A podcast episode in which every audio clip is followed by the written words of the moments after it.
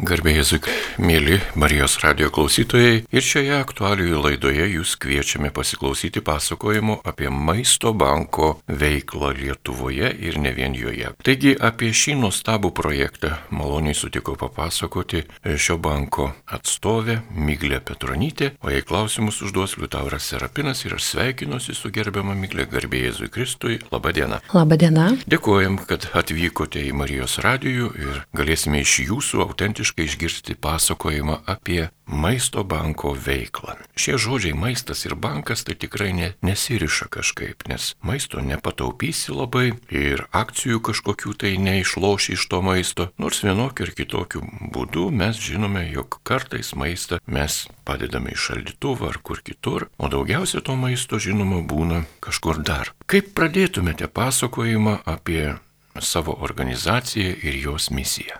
Na, iš ties kalbėti apie maisto banko veiklą ir apie organizacijos misiją reikėtų taip šiek tiek iš toliau, kalbant apie dvi tokias problemas, kurios liečia visą pasaulį, liečia Europą ir tuo pačiu liečia ir Lietuvą. Tai maisto pasaulyje, Europoje ir Lietuvoje yra labai labai daug. Ir skaičiuojama, kad net 30 procentų šito maisto yra išmetama arba prarandama. Ir tuo pačiu fiksuojam, kad žmonių, kurie maisto stokoja, taip pat yra labai labai daug žmonių, kurie negali įsigyti pilnavertiško maisto, kurie negali pilnavertiškai maitintis. Ir atrodo čia toks paradoksas, ar ne, kad maisto yra labai labai daug, bet visgi atsiranda žmonių, kurie na, negali kažkaip tai prasimaitinti. Tai maisto banko misija ir yra kovoti su maisto švaistimu ir maistu padėti stokojantiems. Tai reiškia, kad mes paimam iš ten, kur maisto yra per daug, daugiau, kuris yra nerealizuojamas ir atiduodam ten, kurio yra mažiau. Kažkada popiežius yra pasakęs, kalbėdamas su maisto banko atstovai, kas, atstovais, kad maisto bankai tai yra taip kaip tiltai, nutiesiantys būtent tą tokią jungtį tarp tų, kurie turi per daug ir tų, kurie stokoja. Ir kažkas yra manęs klausę, sako, Miglė, ar jūs čia taip sugalvojo dabar kovoti su maisto švaistimu, nes čia tokios mados atėjo kalbėti apie tvarumą, apie kažkokias ar ne resursų atsinaujinimus, tai iš tikrųjų noriu pabrėžti, kad na, maisto bankai visame pasaulyje kovoja su maisto švaistimu švaistimu. Pirmasis maisto bankas atsirado Amerikoje 1967 metais ir atsirado dėl to, kad vienas žmogus pamatė, jog užsidarius prekybos centrams, už jų ateina moterys su mažais vaikais, vienišas mamos ir iš konteinerių ar ten paliktų dėžių paima gero, dar galiojančio, tiesiog neparduoto maisto. Kiek pamenu, ten buvo duonos kepiniai pirmieji ir tam žmogui šovė mintis, na, kad negali tai būti. Žmogus turėtų gauti maistą, paramą, ypač tą pertiklinį kažkaip oriau. Ir tada jis sugalvojo, kad reikia sukurti maisto banką. Kalbėti su tom vietovėm, kurios turi maisto per daug, kalbėti su ūkininkais, su gamintojais ir paprašyti, kad jie nešmėstų, o tiesiog atiduotų labdarai. Tai maisto bankas Lietuvoje mes lygiai taip pat stengiamės paimti maistą iš ūkininkų, iš gamintojų, iš prekybos vietų, visą tą maistą, kuris galioja arba tik paskutinę dieną, arba kuris dėl tam tikrų priežasčių nebuvo parduotas. Pavyzdžiui, kartais juokiamės, kad per Velykas pas mus atkeliauja labai daug šokoladų, kurie yra papuošti kalėdų senelio e, drabužiais. Tai reiškia, kad maistas dar yra geras, bet tiesiog nebegalima jo parduoti dėl tam tikrų įpakavimo dalykų. Arba ūkininkams nepavyksta realizuoti produkcijos. Kartais taip nutinka, kad atsiranda klaidų ženklinime, ar ne? Įmonės užsakinėja maistą kokiai Latvijos rinkai, visas ženklinimas Latvijos kalba ir štai nepavyksta parduoti ir tas maistas lieka, ar jis būtų utilizuotas. Tai maisto bankas surinkinėja tą maistą ir mes per metus taip nuo išvaistimo išsaugom apie 6100 tonų maisto ir šalia to dar du kartus metuose renkam uh, maistą iš prekybos tinklų, kada prašom aukoti jau žmonių ilgo galiojimo maisto produktų, nes visas maistas, kurį mes išsaugom nuo šmetimo, jis dažniausiai galioja labai labai trumpai, reikia tą pačią dieną paimti jį ir tą pačią dieną atiduoti žmonėms, kad jie dar suvartotų jį tuo metu, o štai ką mums paukoja žmonės jau ilgo galiojimo produktais, tai mes galime aprūpinti ir toliau gyvenančių žmonės, kurie galbūt negali taip dažnai atvykti į mūsų skyrius pasiimti paramos. Žmonės tada turi ką pasidėti savo į spinteles, kad nutikus blogai dienai ir dienai, kad iš tikrųjų to maisto labai labai reikės, galėtų pasiimti ir tas maistas galėtų stovėti ilgiau. Tai tokia ta misija - kovoti su maisto švaistimu, nes, kaip minėjau, to maisto na, vienur trūksta, bet kitur yra per daug. Ir aišku, šalia to tai telkti visuomenę, telkti visuomenę ir mokytis kartu tų tvarumo idėjų, telkti visuomenę, kad jie mokytųsi ir galėtų sudaryti sąlygas ištiesti pagalbos ranką kitam. Ir taip sakyčiau apibendrinama tiesiog kurti šiek tiek gražesnį, geresnį ir tvaresnį mūsų pasaulį. Na, o jau minėjote porą akcijų, kurios yra pagrindinės metuose. Dar plačiau papasakokite apie akcijas, kurias jūs atliekate. Maisto banko akcijos vyksta du kartus metuose. Tai yra toks projektas, iniciatyva, kada mes kviečiame visuomenę paukoti ilgo galiojimo maisto produktų. Taip pat turime kitų paramos projektų, kada kviečiame na, maisto banką paremti lėšomis, nes mūsų veikla, nors ir atrodo, kad mes surenkame maistą ir tarsi gauname jį nemokamai, bet iš ties jinai kainuoja, nes maistas pats savo rankų ir kojų neturi ir reikia dėti nemažai pastangų tą maistą surenkant, atvežant, išrušiuojant, pakviečiant paramos gavėjus pasiimti produktų, juos išdalinant, įtraukiant savanorius ir, ir, ir taip toliau. Tai sakyčiau, kad gal tokie pagrindiniai yra mūsų du projektai, tai kvietimas e, ir skatinimas įstraukti įsitraukti į savanorystę bei aukoti, tačiau maisto bankas veikia kiekvieną dieną. Vat ir šiandien ryte jau man važiuojant į, į jūsų laidą, savanoriai rinkosi sandėliuose dėl to, kad atkeliaus tas maistas, kurį išsaugom nuo išmetimo. Kiekvieną dieną maisto banko savanoriai važiuoja daugybę prekybos tinklų, važiuoja pas ūkininkus, pas gamintojus ir surenka va tuos va likučius, kuriuos mums sandėliuose tenka išrušiuoti, išskirstyti e, stokojantiems žmonėms ir kartu kitom paramos labdaros organizacijom, nes maisto bankas remia, padeda dar šešiems šimtams įvairių nevyriausybinių organizacijų viso Lietuvoje nuo pačių pačių didžiausių, tai labdaros valgyklų, tokių žinomų organizacijų kaip Maltiečiai, Karitas, Raudonasis kryžius, iki visai visai mažų vaikų dienos centrų, iki įvairių bendruomenių, mažų miestelių ar kaimų, iki neįgaliųjų draugijų, gausių šeimų bendryjų ir visų visų kitų organizacijų, kurios tik su mumis susisiekia, kurios gali užtikrinti maistų reikiamas saugumo reikalavimus ir kurios padeda sunkiau gyvenantiems žmonėms. Paminėjote savanorius. Kokie tai žmonės? Kokio charakterio, kokio nusiteikimo jie ateina pas jūs? Ką jie veikia pas jūs? Iš ties, ko gero, nupiešti tokio vieningo savanorio portreto būtų neįmanoma. Vieni žmonės pas mus ateina dėl to, kad iš tikrųjų labai tiki tą maisto nešvaistimo idėją. Maistą supranta kaip didžiulę vertybę. Jiems labai svarbu aplinkosauga, maisto švaistimas skaičiuojama, kad sudaro apie 10 procentų visų pasaulinių emisijų. Tai žmonės, kurie supranta, kad prisidėdami ir kad kažkaip išgelbėdami tą maistą, jie labai labai stipriai, na ir tiesiogiai keičia, deda indėlį į mūsų aplinką. Kita dalis žmonių ateina, kurie iš tikrųjų labai nori padėti stokojantiems, sunkiau gyvenantiems žmonėms, kurie nori pabendrauti su jais, juos pažinti ir iš tikrųjų, na, dažnai savanoriai mūsų ne tik padeda maistu, bet ir išklauso juos ir tarsi dirba tam tikrais psichologais. O savanorių amžius tai yra tikrai tikrai labai skirtingas, nuo 14 metų, 14 metų yra ta riba, kada pagal Lietuvos įstatymus galima pradėti savarankiškai savanoriauti, mažesni savanoriai jau ateina su tėvais, su tėvų globa kartu. Iki pat pat iš tikrųjų garbingo amžiaus žmonių turim vieną savanorę, kurią greitai šves savo 90-metį. Tai kiekvienas randa e, veiklų, Svanoriauja sandėliuose, kaip minėjau, rušiuoja maistą, įskirsto, svanoriauja dalinimo punktuose, kur dalina maisto produktų žmonėms, svanoriauja neseniai atidarytoje mūsų maisto atiduotuvėje, kur žmonės, na, lik parduotuvėje gali patys pasirinkti maisto produktus, kurių norėtų, kuriuos suvalgytų, yra, kuriuos gali vartoti pagal savo sveikatą.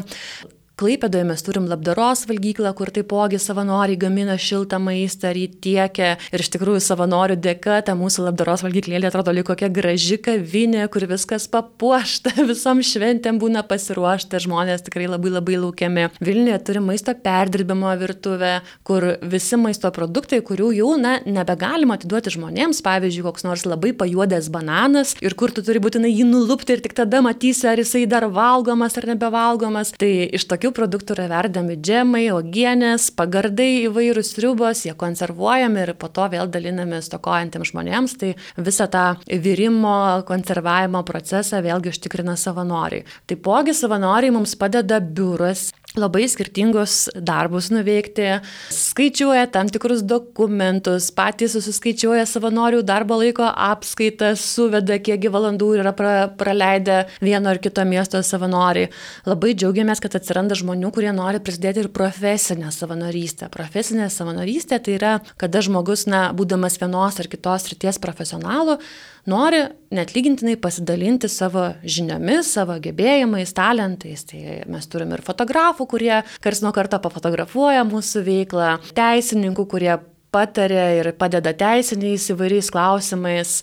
Na ir daugelis kitų profesijų, specialybių, kurių mums kars nuo karto pagalbos prireikia ir labai smagu, kad žmonės na, randa laiko ir taip save realizuoja. Tai tas spektras savanorystės ir savanorių tikrai tikrai labai labai platus e, maisto banke, o apibendrinant galėtų sakyti, kad na, vis tiek vienai par kitaip juos pas mus atveda misija - kova su maisto švaistimu ir noras ištiesti ranką sunkiau nepritekliuje gyvenantiems žmonėms. Malonus radio klausytojai, jūs girdite laidą, kurioje Myglė Petronytė pasakoja apie maisto banko veiklą. Tęsime laidą ir norisi dar daug ko jūsų paklausti. O ar galėtumėte papasakoti apie organizacijos brandolį, kas jį sudaro - tarybos, valdybos, kokie skyriai, kiek dirbo žmonių pas jūs, kiek e, žmonių yra etatinių darbuotojų, koks maždaug yra savanorių skaičius, kokia jūsų yra vadovybė? Ir kam atsiskaitote už atliktą darbą. Tai gal pradėsiu vėl šiek tiek nuo istorijos. Man pačiai atrodo toks labai malonus ir net neįtikėtinas dalykas, kad Maisto banką tai įkūrė trys savanoriai. Žmonės, kurie prieš daugiau negu 20 metų pamatė, kad iš tikrųjų, na, Lietuvoje yra sunkmetis, opi problema su, su maistu Ir sugalvojo tą pamatę idėją, kaip minėjau, Amerikoje, kad maisto bankai jau veikia, kad reikia pradėti kažką daryti ir Lietuvoje. Tai labai labai džiaugiamės, kad ta savanoriška iniciatyva laikų bėgant išaugo na, į atskirą organizaciją, maisto banką, o mūsų įkūrėjai žmonės šiuo metu yra mūsų maisto banko tarybos nariai. Jie iki šiol dalyvauja mūsų veikloje, padeda, patarė ir labai smagu, kad pasidalina tą tokią, na, praeities patirtimi, kuri ir labai svarbi, ir labai naudinga planuojant ir kažkokias e, tam tikras naujas ar, ar senas ateities veiklas. Mes dirbam visoje Lietuvoje, turim apie 70 darbuotojų, jų skaičius kars nuo karto šiek tiek kinta, kartais galim pagal savivaldybių finansuojamas programas įsidarbinti laikinus darbuotojus ir turime beveik 3000 nuolatinių savanorių. Nuolatinių tai reiškia tų žmonių, kurie bent jau kartą per savaitę ateina mums padėti, kurie mums padeda pusę metų, metus, du, tris, keturis ir turim tokių žmonių, kurie iš tikrųjų prieš 20 metų buvo vieni pirmųjų ir iki dabar savanoriauja. Ir skirtingai skaičiuojame, kiekvienais metais šiek tiek skirtingai skaičiuojame, kad dar apie 6-7 tūkstančių savanorių yra tokie, na, vienkartiniai, kurie ateina mums pagelbėti vieną kartą ar du kartus per metus. Tai dažniausiai yra įvairių įmonių žmonės. Džiaugiamės, kad nemažai įmonių šiuo metu leidžia savo darbuotojams skirti dieną ar dvi savanorystėje, išleidžia iš darbų, e, moksleiviai ateina padėti, ypatingai vasaros laikotarpiu, studentai, na ir kiti žmonės, e, kurie tiesiog nori padaryti gerą darbą vienu ar kitu laikotarpiu. Štai pavyzdžiui, savaitgalį vykusioje Maisto banko akcijoje prie, prie akcijos vairos stovėjo 6675 savanoriai vienu vienu metu. Tai iš tikrųjų kažkoks e, neįtikėtinas fenomenas, kad, na, nesant pandemijai, ne dėl karo, bet tiek žmonių susirenka vienu metu visoje Lietuvoje ir skiria savo laiką tam, kad padėtų, kad padėtų kitam. Tai va, o Maisto bankas mes turim penkis didžiuosius padalinius, tai yra Vilniuje, Kaune, Panevežyje, Šiauliuose ir Klaipėdoje. Šitie padaliniai koordinuoja visoje Lietuvoje darbą, taipogi pamažu kūrėme skyrius, e, jau turime Lytų, Utenoj, Marijampolį, Tauragė, Telšiuose, e, skyriai daugiau bendrauja su regionų žmonėmis, e, vietiniais, vėlgi pritraukinėja savanorius, daugiau dalina paramos, jeigu didėja mūsų padaliniai tokie yra labiau išskirstytojai, mes turim sandėlius didžiulius, kur tas visas maistas sukeliauja, tai jau skyriai yra, skyrius yra tie žmonės, kurie iš tikrųjų tą maistą išnešioja, išvežioja, išskirsto, kur daugiau kontaktuoja su žmonėmis, su savo savo regiono, regiono bendruomenę. Tai taip sakyčiau, atrodo, tas brandolys, bet kokiu atveju mūsų pagrindinė jėga ir stiprybė tai yra ir didžioji dalis žmonių tai yra savanoriai ir be savanorių tai maisto banko misija būtų neįmanoma, neįmanoma būtų gyvendinti, nei kovoti su maisto švaistimu, nei padėti stokojantiems, nes iš tiesų savanoriai labai labai daug savo laiko valandų skiria būtent šiai pagalbai.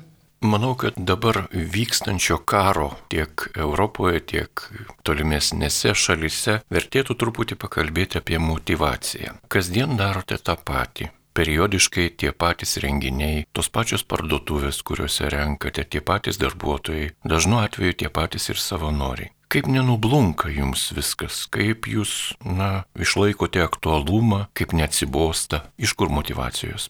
Na, žinot, ne veltui pačioje laidos pradžioje mes kalbėjom apie organizacijos misiją. Tai aš labai džiaugiuosi, kad maisto bankė renkasi žmonės, kurie labai labai tiki tą misiją, labai tiki tą svarbą, kad veikiant šitas veiklas, įgyventinant jas, įvyksta labai labai aiškus pokytis. Vienas pokytis yra aplinkosauginis, mes kovojam su klimato kaita, kovodami su maisto švaistimu tuo pačiu. Kitas pokytis yra, na, pagalba žmonėms maistu. Ir atrodytų, kad, na, Tai kaipgi čia tas maistas daro pokytį, ar ne? Bet iš tikrųjų, kalbant apie, apie skurdą, tai na, skurdas yra labai kompleksinis dalykas ir, ir daug e, žmonių skurdą patiria dėl labai labai skirtingų dalykų. O negalima kažkaip apibūdinti vienu sakiniu, o kas yra tas skurdas. Bet iš tikrųjų valgyti tai nori visi. Nepriklausomai to, ar žmogus yra skurstantis ar neskurstantis, maistas mus apjungia visus. Tai man atrodo, kad paduodant žmogui tą lauknešėlį maisto, ypatingai jeigu jis dar yra išsaugotas nuo išvaistimo, nuo išmetimo, tu sudarai jam galimybę sutaupyti vieną kitą pinigėlį, kad jis galėtų įgyvendinti savo kitus poreikius kažkokius, nueiti pas psichologą, nupirkti vaikui batus, nusipirkti vaistų, padėti susimokėti už šildymą. Tai va čia va yra tokia na, toks esminis dalykas ir ta labai aiškiai matoma maisto banko veiklos vertė. Ir manau, kad jie jaučia ir, ir darbuotojai, ir, ir savanoriai, o nepabosta, nežinot. Iš ties uh, atrodo, kiekvieną dieną gelbstam tą maistą, bet vyksta dideli pokyčiai. Vyksta pokyčiai Europoje, vyksta pokyčiai ir Lietuvoje, nes vis daugiau žmonių sitraukia tą kovos su maisto švaistimu eh, vajų, gal tai pavadinčiau. Mes džiaugiamės, kad uh, vis daugiau ūkininkų nori atiduoti savo nerealizuotą produkciją, vis daugiau gamintojų supranta, kad, na, Nieko tokio, jeigu pas tave atsirado iš kažkur tai ar ne perteklinio maisto, bet labai svarbu, o koks bus tavo kitas žingsnis. Ar tu jį nuspręsi utilizuoti, išmesti, ar pasirinksi atiduoti stokojančiam žmogui. Ir mes labai džiaugiamės, kad na, vis daugiau verslų priema tą sprendimą atiduoti stokojančiam žmogui. Ir dėl to nenuobodu, nes vis kažkas naujas prie mūsų veiklos prisijungia, vis daugiau žmonių įsitraukia į savanoriškas veiklas ir tikrai skaičiuojam, kad na, kiekvienais metais mes padedam vis didesniam stokojančių skaičiui Lietuvoje.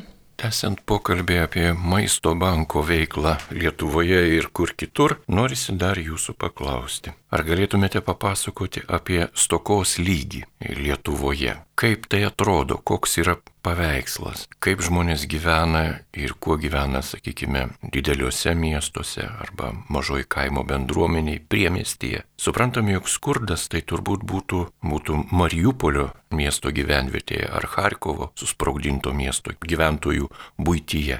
Tokiu atveju mūsų stoka atrodytų kaip perteklius. Papasakokite apie tą socialinę gal neligybę ar stoką, kokia yra Lietuvoje. Taip, iš ties mes e, sakom, kad na, yra skurstančių žmonių, bet iš tiesų gal būtų teisingiau sakyti, kad žmonės gyvena nepritekliuje. Tai reiškia, kad na, jie nebadauja, bet negali leisti savo pilnavertiškai maitintis, įsigyti, nusipirkti ar užsiauginti na, pakankamai subalansuoto maisto, kuris yra svarbus kiekvienam iš mūsų, ypatingai svarbus vaikams, seniorams, na, bet tiesiog tai skaičiuojama, jeigu taip kalbant apie faktus, Lietuvoje skurdo riziką patiria apie 20 procentų šalies gyventojų. Tai kas penktas žmogus, tai yra žmonės, kuriuos mes sutinkam gatvėje, tai gali būti ir mūsų kaimynai, nors kartais iš pirmo įspūdžio sunku patikėti.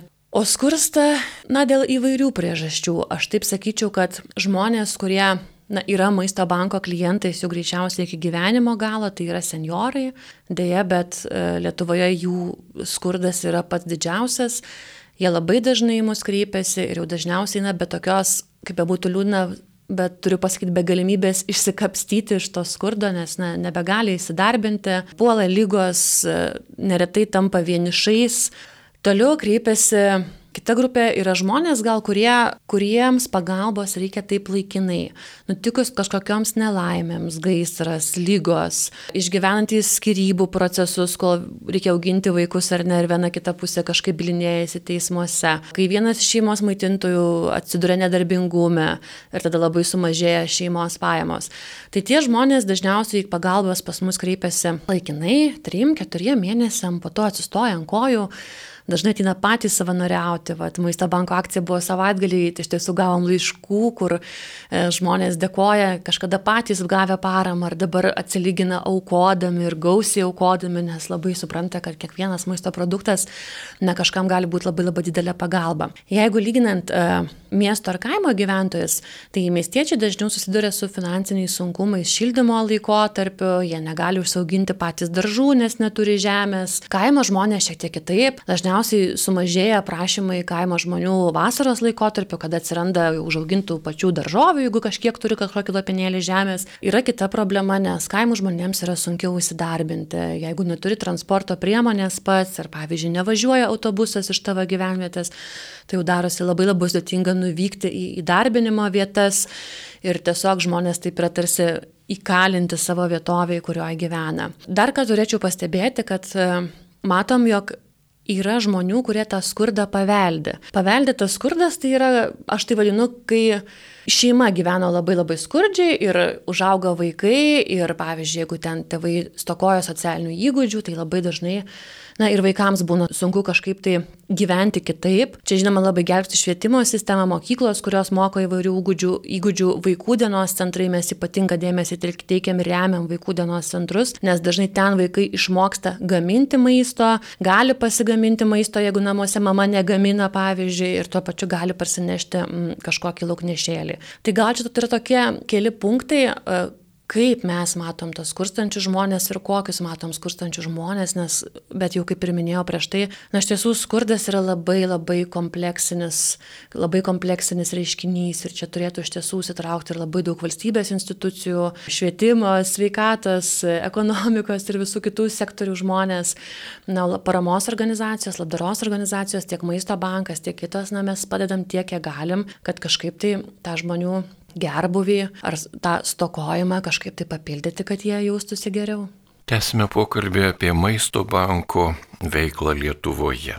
Apie daug ką jau gerbiama Myglė Petronytė papasakojo ir apie struktūrą, ir apie misiją, ir apie motivaciją, savanorystę ir ką kitą. Ir kyla kartais tokie klausimai žmonėms. Maisto bankas surenka tam tikrą kiekį maisto produktų, jį išdalina Bet tai nėra meškerė. Ta prasme, tai yra žuvis, kurią jūs patys pagaunate ir patys atiduodate. O kaip tą meškerę įduoti tam žmogui, kad jis pats susižvėjotų tą žuvį? Jūs esate filosofė, jūsų išvalgos būtų įdomios Marijos radio klausytojai. Labai sudėtingas klausimas. Mes iš vienos pusės taip esam ta žuvis, bet ta žuvis, na, kaip ir minėjau, kadangi kovojam su maisto švaistimu, dažnai atveju yra ne, nespecialiai pagauta, bet jinai jau, jau kažkur buvo ir tiesiog norisi, kad nenukeliautų veltui, kad maistas nebūtų veltui išmestas. Kaip giduoti tą meškerį, tai vėlgi čia labai atsiriame į tai, ką aš kalbėjau prieš tai, kad skurdas yra labai kompleksinė problema. Mano nuomonė tai labai labai svarbu atsižvelgti na, į švietimą ir į mokymus. Maisto bankė mes patys turim kelias programas, kur mokom stokojančius žmonės pasigaminti baltymais turtingesnį maistą iš paprastų produktų. Ir tie mokymai vadinasi Maisto banko akademija, tai keli virtuvės šefai, lektoriai važinėja po Lietuvą, mes kviečiam stokojančius žmonės ateiti, tai mokom pasigaminti maisto, taip pat turim lektorius, kuris šneka apie finansinį raštingumą, kaip sutaupyti pinigų, kaip atsidėti kažkiek pinigų, kad, kad jų nepritrūktų iki kažkokių tai pajamų ar atlyginimo pradžios. Tai iš tikrųjų žmonės labai e, nori įsitraukę, jiems įdomu, kartu mes patys Maisto bankė komanda esam labai nustebę, na kiek daug tokių, sakyčiau, paprastų dalykų kartais žmonės nesuvokia. Esam susidūrę su atveju, kai, na tiesiog nesugalvoja, kad galima padaryti iš bulvių, bulvių košę ar iš moliugą kažkaip sutrinti ir išvirti sriubą. Žodžiu, to kūrybiškumo pritrūksta, o kartais ir tokio, na, pamastymo. Tai šitie mokymai iš ties labai labai padeda, mano nuomonė, stokojantiems žmonėms.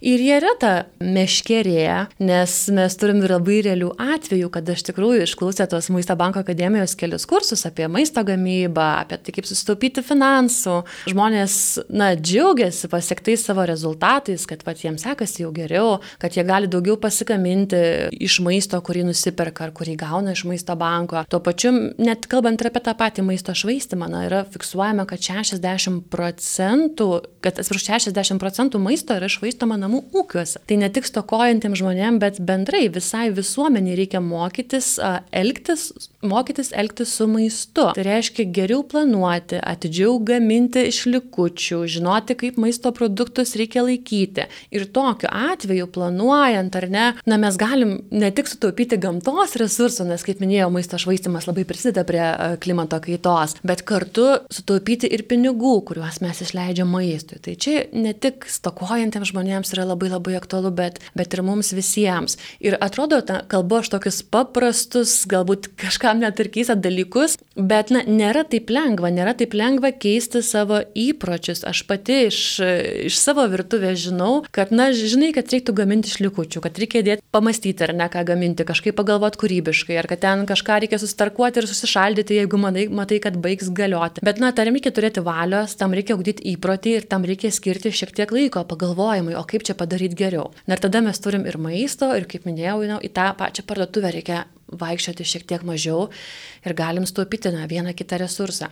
Tai e, vienareikšmiškai atsakant ir apibendrinant jūsų klausimą, tai aš manau, kad edukacija vienokia ar kitokia, pradedant nuo mokyklos ir po to jau iki pat pat gyvenimo galo vis kažkokia savi edukacija, kaip mes galim elgtis su vienais ar kitais mūsų turimais resursais. Besiklausydamas jūsų, Miglė, aš prisiminiau COVID pandemijos laiką, kai per televiziją ypatingai daug buvo kalbama apie restoranų veiklą, verslą ir buvo kalbama, kad jie na, patiria ypatingus sunkumus ir mes taip išgirdome, jog šitas verslas Lietuvoje yra labai didelis, masyvus, pelningas ir, ir labai gerai užvestas. Būtų įdomu išgirsti, o restoranai ar prisideda prie jūsų veiklos ir jeigu prisideda, tai koks maždaug santykis yra lyginant su ūkininkais arba parduotuvėmis ar sandėliais maisto? Labai geras klausimas. Bendrai Europoje tai iš ties fiksuojama, kad na, restoranai taipogi išvaisto nemažai laiko ir aš kiek žinau maisto ir aš kiek žinau kiti maisto maisto bankai Europoje, su kuriais mes bendradarbiaujam, iš kavinių ir restoranų tikrai surenka ir nemažus kiekius jau to paruošto maisto porcijom arba ten kažkokias maisto dalis, pavyzdžiui, garnyrus ar likusias salotas. Deja, Lietuvoje e, su restoranais mes bendraujam labai mažai. Iš jų surinkamo maisto yra gal vienas ar du procentai ir tai labai labai skirtingas tas santykis yra kiekvienais metais, kartais net mažiau. Kai prasidėjo COVID pandemija, iš tikrųjų nemažai restoranų, kavinių, mokymosi įstaigų į mus kreipėsi, kurie turėjo užsipirkę tų atsargų maitinimui, tai jie maistą atidavinėjo mums, o dabar kažkaip iš ties labai labai retai su mumis susisiekia. Mes turim net tokią platformą padarę nedidelę, vadinasi food.lt, kur kavinės gali pačios prisiregistruoti, pažymėti, kiek turi likusio maisto ir atvykti, tada mūsų savanoris atvyksta į kavinę, paima ir dažniausiai mes tą maistą, kadangi jis būna paruoštas, vežame į labdaros valgyklas. Tai, na, yra pasitaikę atvejų, kai esam gavę po kelias porcijas maisto, bet iš tikrųjų tai yra na, labiau išimtis negu taisyklė. Mažų restoranų, tačiau labai gerų šefai karts nuo karto mums atveža likučius, nes kaip patys sakė, kad vienas šefas visai neseniai sako, na, aš per daug gerbiu, per daug myliu maistą, kad jį kažkur tai išmeščiau, todėl noriu žmonėms gaminti skaniai, bet kartu ir negaliu sauliaisti, na, kažkaip padėti jo kažkur kitur, tai būtų mažų mažiausiai ne oru pačio šefo vardui. Tai, tai čia yra toks vienas iš gražių pavyzdžių, bet kaip ir sakiau, tai yra labiau, labiau išimtis ne, negu taisyklė mūsų veikloje dėja. Na, tikimės, galbūt atsiras pokyčių Lietuvoje, kuo daugiau apie tai išnekėsim, kuo daugiau išnekėsim apie maisto švaistimo poveikį, apie tai, kad na, yra žmonių, kurie mielai tą maistą suvalgytų, tai labai tikiuosi, kad ta, tas pokytis taip greičiau ir įvyks.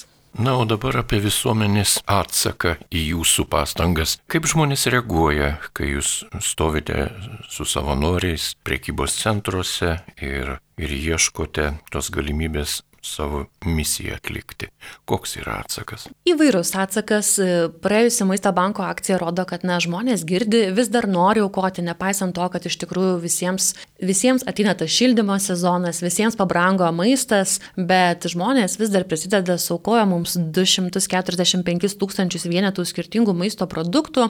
Tas skaičius yra šiek tiek mažesnis lyginant su praeitais metais vykusią akciją, bet iš tikrųjų mus labai maloniai džiuginantis. Šiais metais mes kaip niekad prašėme aukoti aukoti mėsos ir žuvies konservų ir labai jaudinomės galvojom, na ar visuomenė mus išgirdo ar ne ir iš tikrųjų smagu, kad būtent šitos kategorijos produktų aukojimai labai labai išaugo, tai reiškia, kad žmonės, na, iš ties girdė.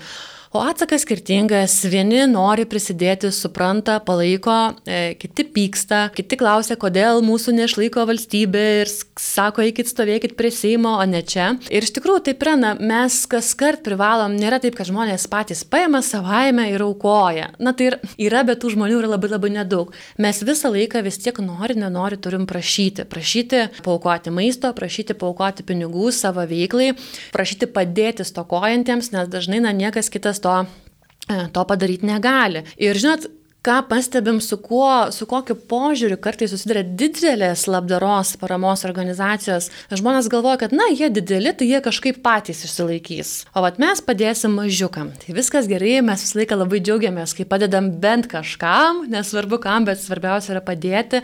Bet ir didelės paramos organizacijos, labdaros organizacijos, na, jos nepragyvena iš kažkur kitur. Tai mūsų didžioji dalis biudžeto sudaro žmonių ir verslų paukotos lėšos, iš ko mes mes veikiam ir tuo pačiu, na, tas nuo švaistimo išsaugotas maistas, kurį vėlgi aukoja, atiduoda prekybininkai, gamintojai, rūkininkai, žmonių paukoti maisto produktai. Tai tas atsakas įvairus, bet kaip ir sakiau, dažniausiai kreipkis, prašyk tave išgirs ir tau išties tą pagalbos ranką. Tai aš labai labai džiaugiuosi, kad na, Lietuvo žmonės jau Maisto bankas veikia daugiau negu 20 metų, tai tendencingai daro kiekvieną kartą per kiekvieną Maisto banko akciją ar kažkokį kitą mūsų renginį, kad Lietuvo žmonėms yra svarbu padėti, kad Lietuvo žmonės nori būti geresni vienas kitam, kad geba atjausti kitą. Tai džiugina, tai ir žinokit, Tikrai, kai pabendraujam su kitais pasaulio maisto bankais, Europos maisto bankais, tai na, dažnai mūsų paklausia, Kaip jūs, tokia maža valstybė, bet toks fenomenas, kad tiek daug žmonės vieni kitiems padeda. Ir čia sunku pasakyti, aš nežinau, koks yra atsakymas. At lietuviai dosnus, geri, atjaučiantys žmonės, greičiausiai taip. Na ir laidos pabaigai, kaip apibendrintumėte tai, ką papasakojote ir galbūt anonsuokite vieną kitą savo būsimą renginį. Na, iš ties, Maisto banko veikla yra susijusi su kova su maisto švaistimu. Kaip jau minėjau laidos pradžioje, tai pasaulyje yra labai daug maisto, kuris pagaminamas, bet dėja net 30 procentų jo yra išmetama, 27 procentai pasaulio dirbamo žemės yra sunaudojama, sueikvojama maistui, kuris nepasiekia žmonių stalų. Ir tuo pačiu yra labai daug žmonių, kurie maisto stokoja. Vienose valstybėse badauja, kitose jaučia nepriteklių maisto, kaip ir Lietuvoje, ar ne, negali leisti savo pilnavertiškai maitintis, negali subalansuoti savo mytybos. Tai maisto bankas tengiasi to pasirūpinti, bet kartu mes labai labai kviečiam visus žmonės prisidėti. Ir ne tik e, aukojant, bet kartu ir pradedant nuo savo, nuo savo namų, atidarant savo šaldytuvus, peržiūrint savo krepšelį, ar mes tikrai nieko neišmetam, o gal galim dar labiau pasistengti. Ir, ir kažkaip to maisto sutaupyti. Jeigu atliko maisto, gal galim pasidalinti su savo kaimynais, su savo draugais, su savo bičiuliais, ar tiesiog atnešti artimiausią maisto banko skyrių ar kitos organizacijos, kuri veikia jūsų mieste e, padalinį ir tas maistas tikrai tikrai bus perduotas, e, perduotas tokojantiems žmonėms. Tai aš labai tikiuosi, kad visuomenė mus girdi ir žinau, kad girdi, nes, kaip minėjau, pokyčiai vyksta, bet kuo daugiau mes tenksimės juos daryti, kuo daugiau telktis, kuo daugiau ištiesti pagalbos ranką vieni kitiems, tai, tai tie pokyčiai vyks greičiau, a, jie bus tikslingesni. Na, o anonsuojant mūsų artimiausius renginius, tai Planuojame per Kalėdas turėti tokią gražią akciją, paskatinti žmonės atkreipti dėmesį į maisto švaistimą švenčių laikotarpiu, nes fiksuojama statistika rodo, kad daug žmonių yra linkę prisipirkti per daug, lietuviai labai vaišinga tauta yra, nukrauna stalus, po to maisto nesuvalgo ir mes vis dar girdim tas istorijas iš kartos į kartą, kaip mama ar močiutė laiko baltos mišrainės kibirą balkonė, nes jis nebetelpa į šaldytuvą, o suvalgyti tampa sudėtinga, tai visą laiką skatinam, na, kad labai smagu, kad dalinatės, kad maistas sujungia žmonės, tačiau yra ir kitų dalykų, gerų pokalbių, kur nebūtinas maistas ir nebūtina jo tiek daug. Tai labai labai kviesime atkreipti dėmesį į tai. Na ir dar turėsim vieną paramos projektą lapkričio mėnesį pasidalink. Yra toks trumpasis numeris 1343, auka 5 eurai. Tai mes kviesime žmonės dar palaikyti Maisto banko veiklą ir padėti skambinančio numeriu. Šiuo metu Maisto bankas remia 240 tūkstančių žmonių visoje Lietuvoje. Skaičiuojam, kad šitas skaičius išaugo beveik 60 tūkstančių žmonių. Bendrai, kaip minėjau, statistika rodo, kad Lietuvoje skursta kas penktas ir tas skaičiaus augimas yra susijęs ir su tuo, kiek mes patys galim padėti, kiek turim resursų, kiek galim pritraukti maisto. Tai kiekviena ta auka, skambutis numeris 1343, būtent ir padeda prisidėti, kad dar vienas paramos krepšelis, kad dar, kad dar kažkiek maisto pasiektų stokojančių žmonės, kad mes galėtumėm priimti dar bent šimtą, bent du šimtus žmonių pas save ir kad niekam, niekam nereiktų atsakyti, atleiskit, bet šiandien padėti jums nebegalim. Tai aš laidos pabaigai ir noriu pakviesti žmonės būti vienas kitam geresniu šiuo šiais neramiais laikais ir nenustoti dalintis. Dėkojame ir jums, gerbama Myglė Petronytė, už pristatymą savo mėgstamo darbo, o būtent maisto banko veiklos Lietuvoje. Myliems radio klausytojams dėkoju, kad šią valandėlę pabuvote kartu su mumis ir galėjote labiau susipažinti su maisto banko veikla Lietuvoje. Su jumis kartu buvo ir Liutauras Serapinas, linkėdamas likti toliau su Marijos radiju.